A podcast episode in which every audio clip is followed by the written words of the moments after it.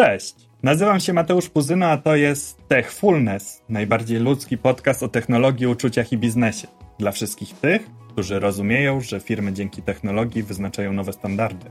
Obiecuję, że nie odpuszczę, dopóki nie zrozumiem. Zapraszam. Największym źródłem energii jest efektywność energetyczna. O tym, jak wykorzystać technologię w jej służbie, jak stare budynki mogą konkurować z nowymi i o tym, co zrobić, by Twój dom stał się eko, porozmawiam z Wojtkiem Jurczakiem z Siemensa. Techfulness. Technologia, uczucia i biznes. Dzień dobry Wojtku. Cześć Mateusz, hej. Spotkaliśmy się dzisiaj, żeby porozmawiać o technologii, ale o technologii w służbie efektywności energetycznej. Powiedz, czym jest efektywność energetyczna? To jest bardzo dobre pytanie, Mateusz, naprawdę bardzo, bardzo dobre. Nie wiem. A jak miałbyś mi to przedstawić takiemu laikowi z rynku, to jakbyś to wytłumaczył? No dobrze, odkryję rąbek tajemnicy. Efektywność energetyczna, potocznie mówiąc, jest to wykorzystanie energii, którą dostajemy i spożytkowanie jej w efektywny sposób, chociażby w budynkach zapewnienie komfortu. Pozwól, że trochę dopowiem, bo jako inżynier energii nie byłbym sobą, gdybym tego nie przedstawił technicznie. Chodzi o to, że efektywność energetyczna mówi nam o tym, ile my tej energii, którą pobieramy, tak naprawdę efektywnie zużyjemy. I przekładając to na samochód, to możemy to porównać do takiego spalania samochodu. Czyli ile my w jednostce paliwa jesteśmy w stanie kilometrów przejechać. No widzisz jak dobrze? Zawsze człowiek się uczy, nie? Ale wzięliśmy ten temat na tapetę po to, żeby przedstawić, dlaczego ona jest taka ważna. Dużo o niej dzisiaj słyszymy. Dlaczego efektywność energetyczna jest taka ważna? Chciałbym Ci w bardzo prosty sposób śpiewająco odpowiedzieć. Money, money, money. Była kiedyś taka piosenka Abby, nie? Tak. To są dwa aspekty. Z jednej strony jest to aspekt finansowy, czyli koszty, koszty, koszty, koszty. Ostatnio przeraziłem się, jak zobaczyłem fakturę za zużycie energii u mnie w domu. Mój dom nie jest tak duży jak biuro hotel, także jestem przekonany, że osoby, które, czy inwestorzy, którzy mają takie budynki, na pewno schwycą się za głowę, jeżeli zobaczą rachunek. Także z jednej strony aspekt finansowy, z drugiej strony chcemy żyć jeszcze na tej naszej planecie Ziemi, a wiadomo, że chociażby w Polsce energia jest głównie produkowana z węgla, a węgiel to emisja CO2. No i dalej można by było pociągnąć, na co wpływa zbyt duża emisja dwutlenku węgla. Chcesz mi powiedzieć, że tą energię w naszym domu możemy albo skutecznie, efektywnie wykorzystać, albo ją trwonić, a tym samym płacić wysokie rachunki? I to jest właśnie efektywność energetyczna. Widzisz, sam odpowiedziałeś sobie na pytanie, a ja z przekory powiedziałem, że nie wiem. Także razem doszliśmy do tego, co to jest ta efektywność energetyczna? Chciałem Cię zapytać jeszcze ten aspekt środowiskowy. Czy to jest taka pieśń przyszłości, czy to dzisiaj już powinniśmy działać w tym aspekcie i dlaczego? Na pewno musimy działać już dziś. Widzimy, jakie są zimy, jakie są lata i widzimy, jaki to ma wpływ na nasze środowisko. Ja posiadam dwójkę dzieci i chciałbym, żeby te dzieci i żeby dzieci moich dzieci, czyli moje wnuki, dorastały w środowisku takim, którym ja dorastałem. Żeby jednak tych zmian klimatycznych nie było zbyt dużo i żebyśmy cały czas mieszkali na naszej planecie Ziemi. Chcesz mi powiedzieć, że nie powinniśmy być tacy zachłanni, żebyśmy pomyśleli również o tych przyszłych pokoleniach, że oni jeszcze będą żyli na tej naszej Ziemi? Zdecydowanie tak. Dodatkowo myślmy, myślmy, myślmy, bo jak powiedział jeden znany autor, myślenie ma przyszłość. Zdecydowanie. Ja się dwoma rękoma pod tym podpisuję. Ale powiedz, wspomniałeś o tych budynkach i o tych właścicielach budynków. Jakie wyzwania związane z budynkami w Polsce obserwujemy? Tutaj trzeba rozważyć dwa aspekty. Pierwszy aspekt to budowa nowych budynków. I może zatrzymam się pokrótce przy nowych budynkach. Dobrze by było, żeby one były zaprojektowane i potem wybudowane w sposób jak najbardziej efektywny energetycznie. Czyli nowoczesne technologie, nowoczesne technologie i jeszcze raz nowoczesne technologie. To nam pomoże w nowych budynkach na samym początku już zredukować dosyć mocno zużycie energii, a co za tym idzie, zredukować ślad węglowy. No i jest jeszcze drugi aspekt, czyli budynki stare, bądź też starsze. No i tutaj mówimy o modernizacjach tych budynków i o tym, żeby również ten stary budynek po modernizacji był efektywny energetycznie. Wróćmy jeszcze do tych budynków nowych. Powiedziałeś, że projektowanie jest bardzo ważne. Dlaczego? No jeżeli budynek zostanie dobrze zaprojektowany, a potem odpowiednio wykonany przez generalnego wykonawcę, wtedy naturalnie to zużycie energii będzie mniejsze. Natomiast to, co jest również bardzo ważne przy projektowaniu, to tak jak już wspomniałem, użycie najnowszych technologii i najnowszych rozwiązań, które są dedykowane do tego, żeby w pewien sposób tą naszą energię oszczędzać, a co za tym idzie, zmniejszyć koszty użytkowania budynku. Ale czy to jest tak, że jeżeli na etapie projektowania przewidzimy te rozwiązania, które zapewnią nam efektywność energetyczną później, jak ten budynek będzie funkcjonował, to tak naprawdę zainwestujemy stosunkowo mało pieniędzy w to, żeby później płacić mniej? Zdecydowanie tak. Może podam taki drobny przykład. W Warszawie buduje się wiele budynków biurowych. Nie każdy myśli o tym, żeby chociażby w takim budynku biurowym zaprojektować żaluzje które naprawdę w dużym stopniu zmniejszają zużycie energii poprzez naturalnie odpowiednie sterowanie.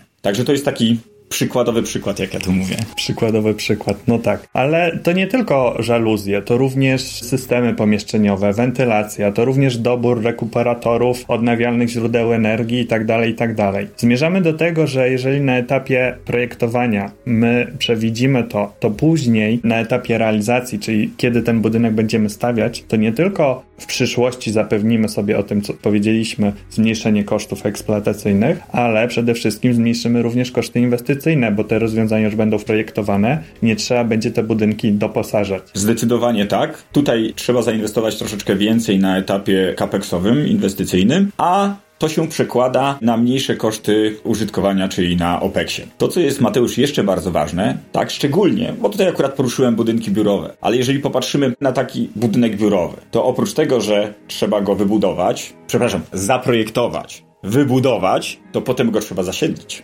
Jeżeli popatrzymy na Warszawę, Rondo Daszyńskiego, wielkie, ogromne wieżowce. Jeżeli popatrzymy przy dworcu centrum, mamy następne ogromne wieżowce biurowe i zaczyna się pogoń za najemcą. Strzelam, że budynki projektuje się po nic innego, tylko po to, żeby funkcjonowali w nich ludzie. Zdecydowanie tak. I oprócz tego, żeby funkcjonowali w nich ludzie, żeby również na siebie zarabiały. I zostawiały jeszcze troszeczkę tych pieniążków dla inwestorów. Chcesz mi powiedzieć, że właściciel budynków szybciej i nazwijmy to efektywniej finansowo wynajmie przestrzenie biurowe, jeżeli one również będą zaprojektowane z myślą o tych użytkownikach?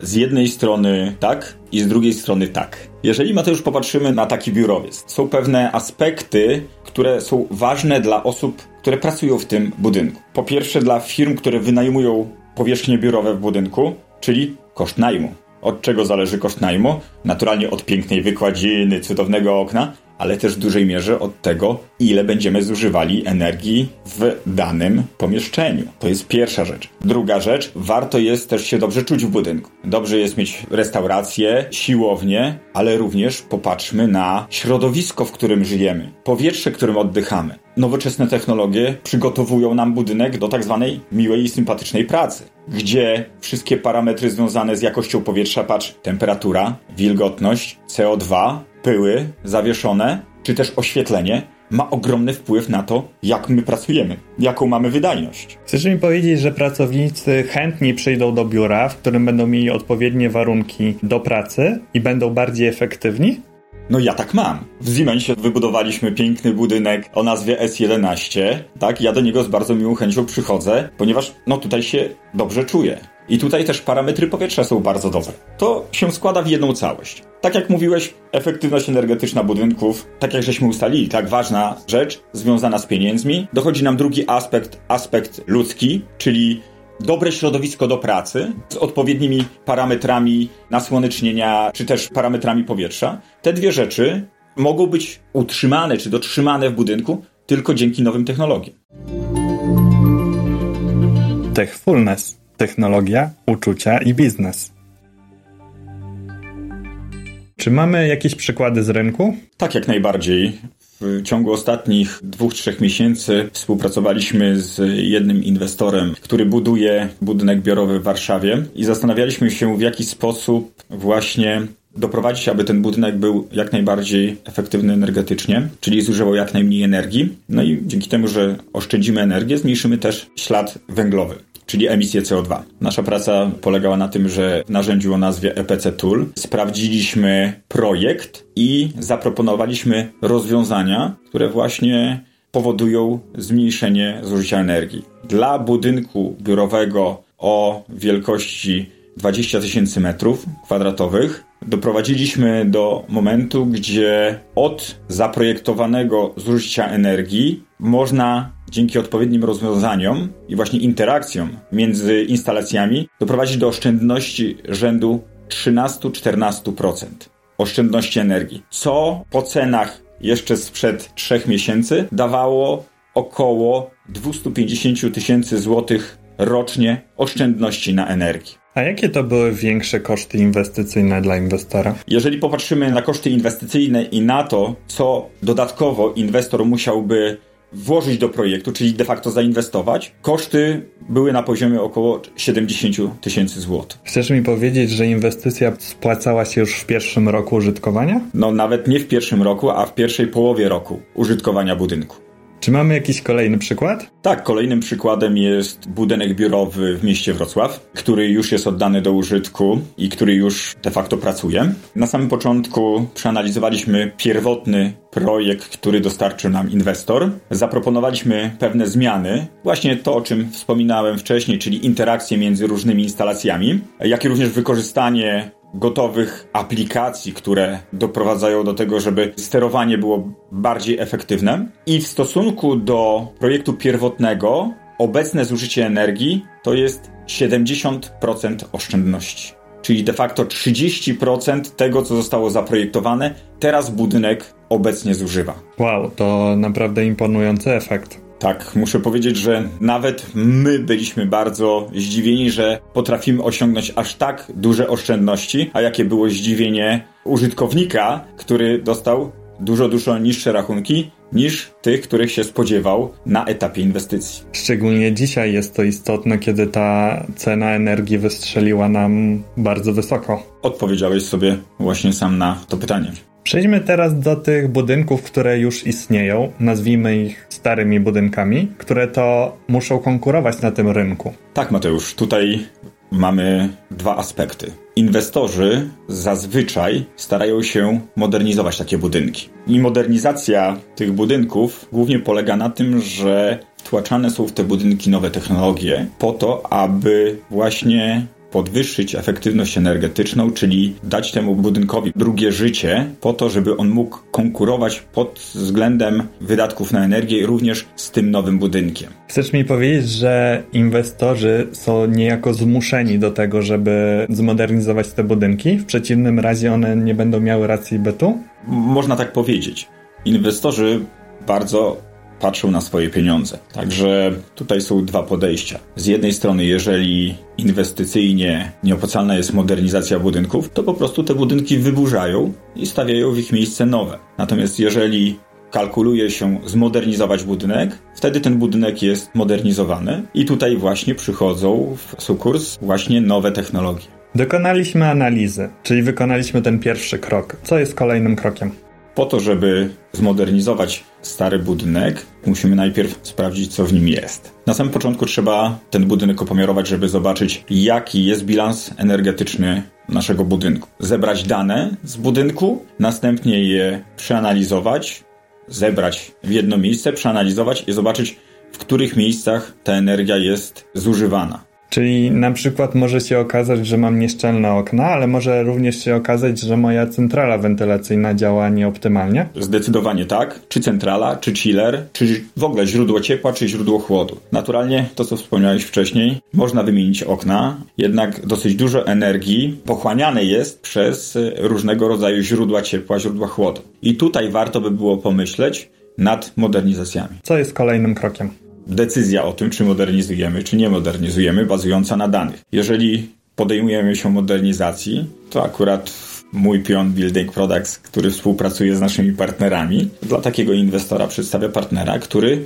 może zmodernizować instalację w budynku. Wybieramy partnera i idziemy dalej. Co jest kolejne? No kolejne to już jest etap modernizacji, czyli wymiany starych urządzeń na nowe urządzenia, na nowe sterowanie, które pozwala nam zmniejszyć zużycie energii. Czy jest to tylko wymiana, czy to może również integracja już istniejących rozwiązań? To zależy, co mamy w projekcie, co mamy na budynku. Jeżeli na budynku mamy w miarę świeże rozwiązania, no to można je naturalnie zintegrować. Jeżeli te rozwiązania są już wiekowe i nie przynoszą nam zbyt dużo założonych oszczędności, no to wtedy modernizujemy całe systemy. No ale załóżmy, że te rozwiązania są dosyć nowe. Czy takie rozwiązanie bez integracji działa optymalnie? To jest bardzo dobre pytanie. To zależy od systemu. Natomiast lepiej jest zintegrować z sobą wiele różnych instalacji, ponieważ wtedy osiągniemy lepszy efekt. Dlaczego? Jeżeli będziemy optymalizować jedną instalację, to uzyskamy x oszczędności. Jeżeli zoptymalizujemy pracę 3-4 instalacji w budynku, uzyskamy 4 razy x. Czy to jest również tak, że te urządzenia mogą nawzajem na siebie wpływać? Jeżeli one nie są zintegrowane do jednego systemu, to jedno urządzenie może pogarszać sprawność innego? Wiesz co, Mateusz, ja tutaj posłużę się przykładem, żeby tobie wytłumaczyć interakcję urządzeń. Weźmy pomieszczenie biurowe. W pomieszczeniu biurowym mamy zarządzanie światłem, mamy zarządzanie temperaturą. Za temperaturą naturalnie stoi wilgotność czy CO2 i mamy zarządzanie chociażby żaluzjami. Jeżeli postaramy się, aby te trzy instalacje współpracowały razem, na pewno osiągniemy większe oszczędności niż to, jak te instalacje będą pracowały oddzielnie, bez żadnego wpływu na siebie. Mimo, że przykład, jeżeli w zimie ustawimy odpowiednio żaluzję, czyli wpuścimy troszeczkę tego słońca do środka, to ogrzejemy pomieszczenie, a dzięki temu będziemy mogli mniej skorzystać z ciepła, które generuje nam węzeł cieplny. I w tym momencie zmniejszyć ilość energii i zaoszczędzić pieniądze. A z kolei latem możemy trochę przymknąć żaluzję, wpuszczając mniej ciepła do środku i tym samym zaoszczędzić na klimatyzacji? Zdecydowanie tak. I to właśnie dają nam powiązane dyscypliny z sobą i umiejętność wpływania i interakcji między tymi dyscyplinami w takim trywialnym przykładzie. Wojtku, technologia technologią, ale w tym wszystkim jest jeszcze człowiek, który tym wszystkim zarządza. Tak, jest jeszcze człowiek. I tutaj możemy również wpływać na zachowania ludzi po to, żeby oszczędzić energię, chociażby w biurowcu. I jak to robimy? W chociażby zadajniku pomieszczeniowym jest znaczek zielonego listka. Jeżeli ten listek jest zielony, to znaczy, że instalacja pracuje w sposób optymalny, czyli jest optymalne zużycie energii. Jeżeli przestawimy jakąś nastawę, czyli zwiększymy temperaturę, zamkniemy żaluzję w zimowy, piękny, słoneczny dzień, na takim zadajniku listek przyjmie kolor czerwony. I tutaj nie trzeba być specjalistą, żeby doprowadzić do tego, żeby te wszystkie instalacje wróciły do optymalnej pracy. Wystarczy tylko podejść do zadajnika pomieszczeniowego i wcisnąć ten czerwony listek. Po wciśnięciu czerwonego listka instalacje wracają do optymalnych nastaw i nasze pomieszczenie pracuje w optymalny, efektywny energetycznie sposób. Dodatkowo jeszcze dosyć duże znaczenie mają osoby, które, czy duże, może nie tyle znaczenie, co duży wpływ na prowadzenie budynku, na zużycie energii budynku mają osoby, które nadzorują systemy BMS. Praktycznie w każdym nowoczesnym budynku jest sterownia, jest miejsce, w którym właśnie stoi BMS, czyli Building Management System. Są tam osoby, które sprawdzają, patrzą na alarmy generowane w systemie, ale również mogą w odpowiedni sposób prowadzić pracę tego budynku. Z moich doświadczeń wiem, że niestety na rynku nie ma zbyt dużo osób, które się znają na tym i bardzo ważną rzeczą jest to, aby położyć duży nacisk, aby wykształcić kadry, które w odpowiedni sposób będą tymi budynkami zarządzały. Mówisz tu o edukacji? Zdecydowanie tak. Mówię tutaj o edukacji, o edukacji ludzi, którzy mają przy tych systemach BMS-owych pracować, którzy mają prowadzić, nadzorować pracę budynku. Przejdźmy może do mojego domu. Co jako Mateusz Puzyna mogę zrobić, żeby ten dom był bardziej ekologiczny? Ja myślę, że podobnie jak w dużych budynkach, warto jest przyjąć bardzo podobny sposób postępowania. Czyli najpierw sprawdzić, które urządzenia elektryczne zużywają najwięcej energii i potem zastanowić się, w jaki sposób można nimi sterować, aby zmniejszyć to zużycie energii. Techfulness. Technologia, uczucia i biznes. Wojtku, znamy się nie od dziś i wiem, że od lat twoją wielką pasją jest piłka nożna. Zgadza się. W przeszłości byłem zawodnikiem Hetmana Białystok. Moje najwyższe osiągnięcie to gra w trzeciej lidze, w lidze makroregionalnej. Cały czas jestem wierny temu sportowi, bo cały czas gram w piłkę w amatorskiej lidze biznesu w, Legia Business Cup w drużynie BT Old Boys. Old Boys ze względu już na nasz wiek, niestety. Tego się nie powstrzymam cały czas czynny zawodnik piłki nożnej. A może właśnie dzięki Twojemu wiekowi? Może i tak. Natomiast dodatkowo jeszcze parę miesięcy temu zrobiłem uprawnienia trenerskie, gra C, także mogę teraz już również i trenować młodzież, dzieci i młodzież, z czego jestem bardzo zadowolony, bo muszę powiedzieć, ten kurs trenerski otworzył mi oczy na wiele aspektów, o których wcześniej nie myślałem. A dodam jeszcze, że jestem szczęśliwym ojcem mojego syna, który również gra w piłkę w Białych Orłach i wracając do wątku związanego z y, trenerką, już teraz wiem, jak powinien się zachowywać odpowiedzialny rodzic na meczu piłki nożnej. Zdradzisz rąbek tajemnicy? Wspieramy, nie krytykujemy, a broń Boże nie krytykujemy sędziego. Zawsze na koniec naszego spotkania proszę moich gości o takie podsumowanie, taką puentę, z którą nasi słuchacze mają wyjść po tym odcinku. Myślę, że można to ująć w jednym zdaniu. Inwestorzy nie czekajcie. Inwestujcie w nowe technologie, ponieważ one mogą doprowadzić do tego, że budynki będą bardziej efektywne energetycznie, co się przekłada na money, money, money i dodatkowo jeszcze wiąże się to z mniejszą emisją CO2, czyli redukcją śladu węglowego, a na sam koniec przekłada się to na niższe koszty najmu dla Waszych klientów. Naszym i Państwa gościem był Wojtek Jurczak. Dziękuję Wojtku, że zgodziłeś się przyjść do naszego programu.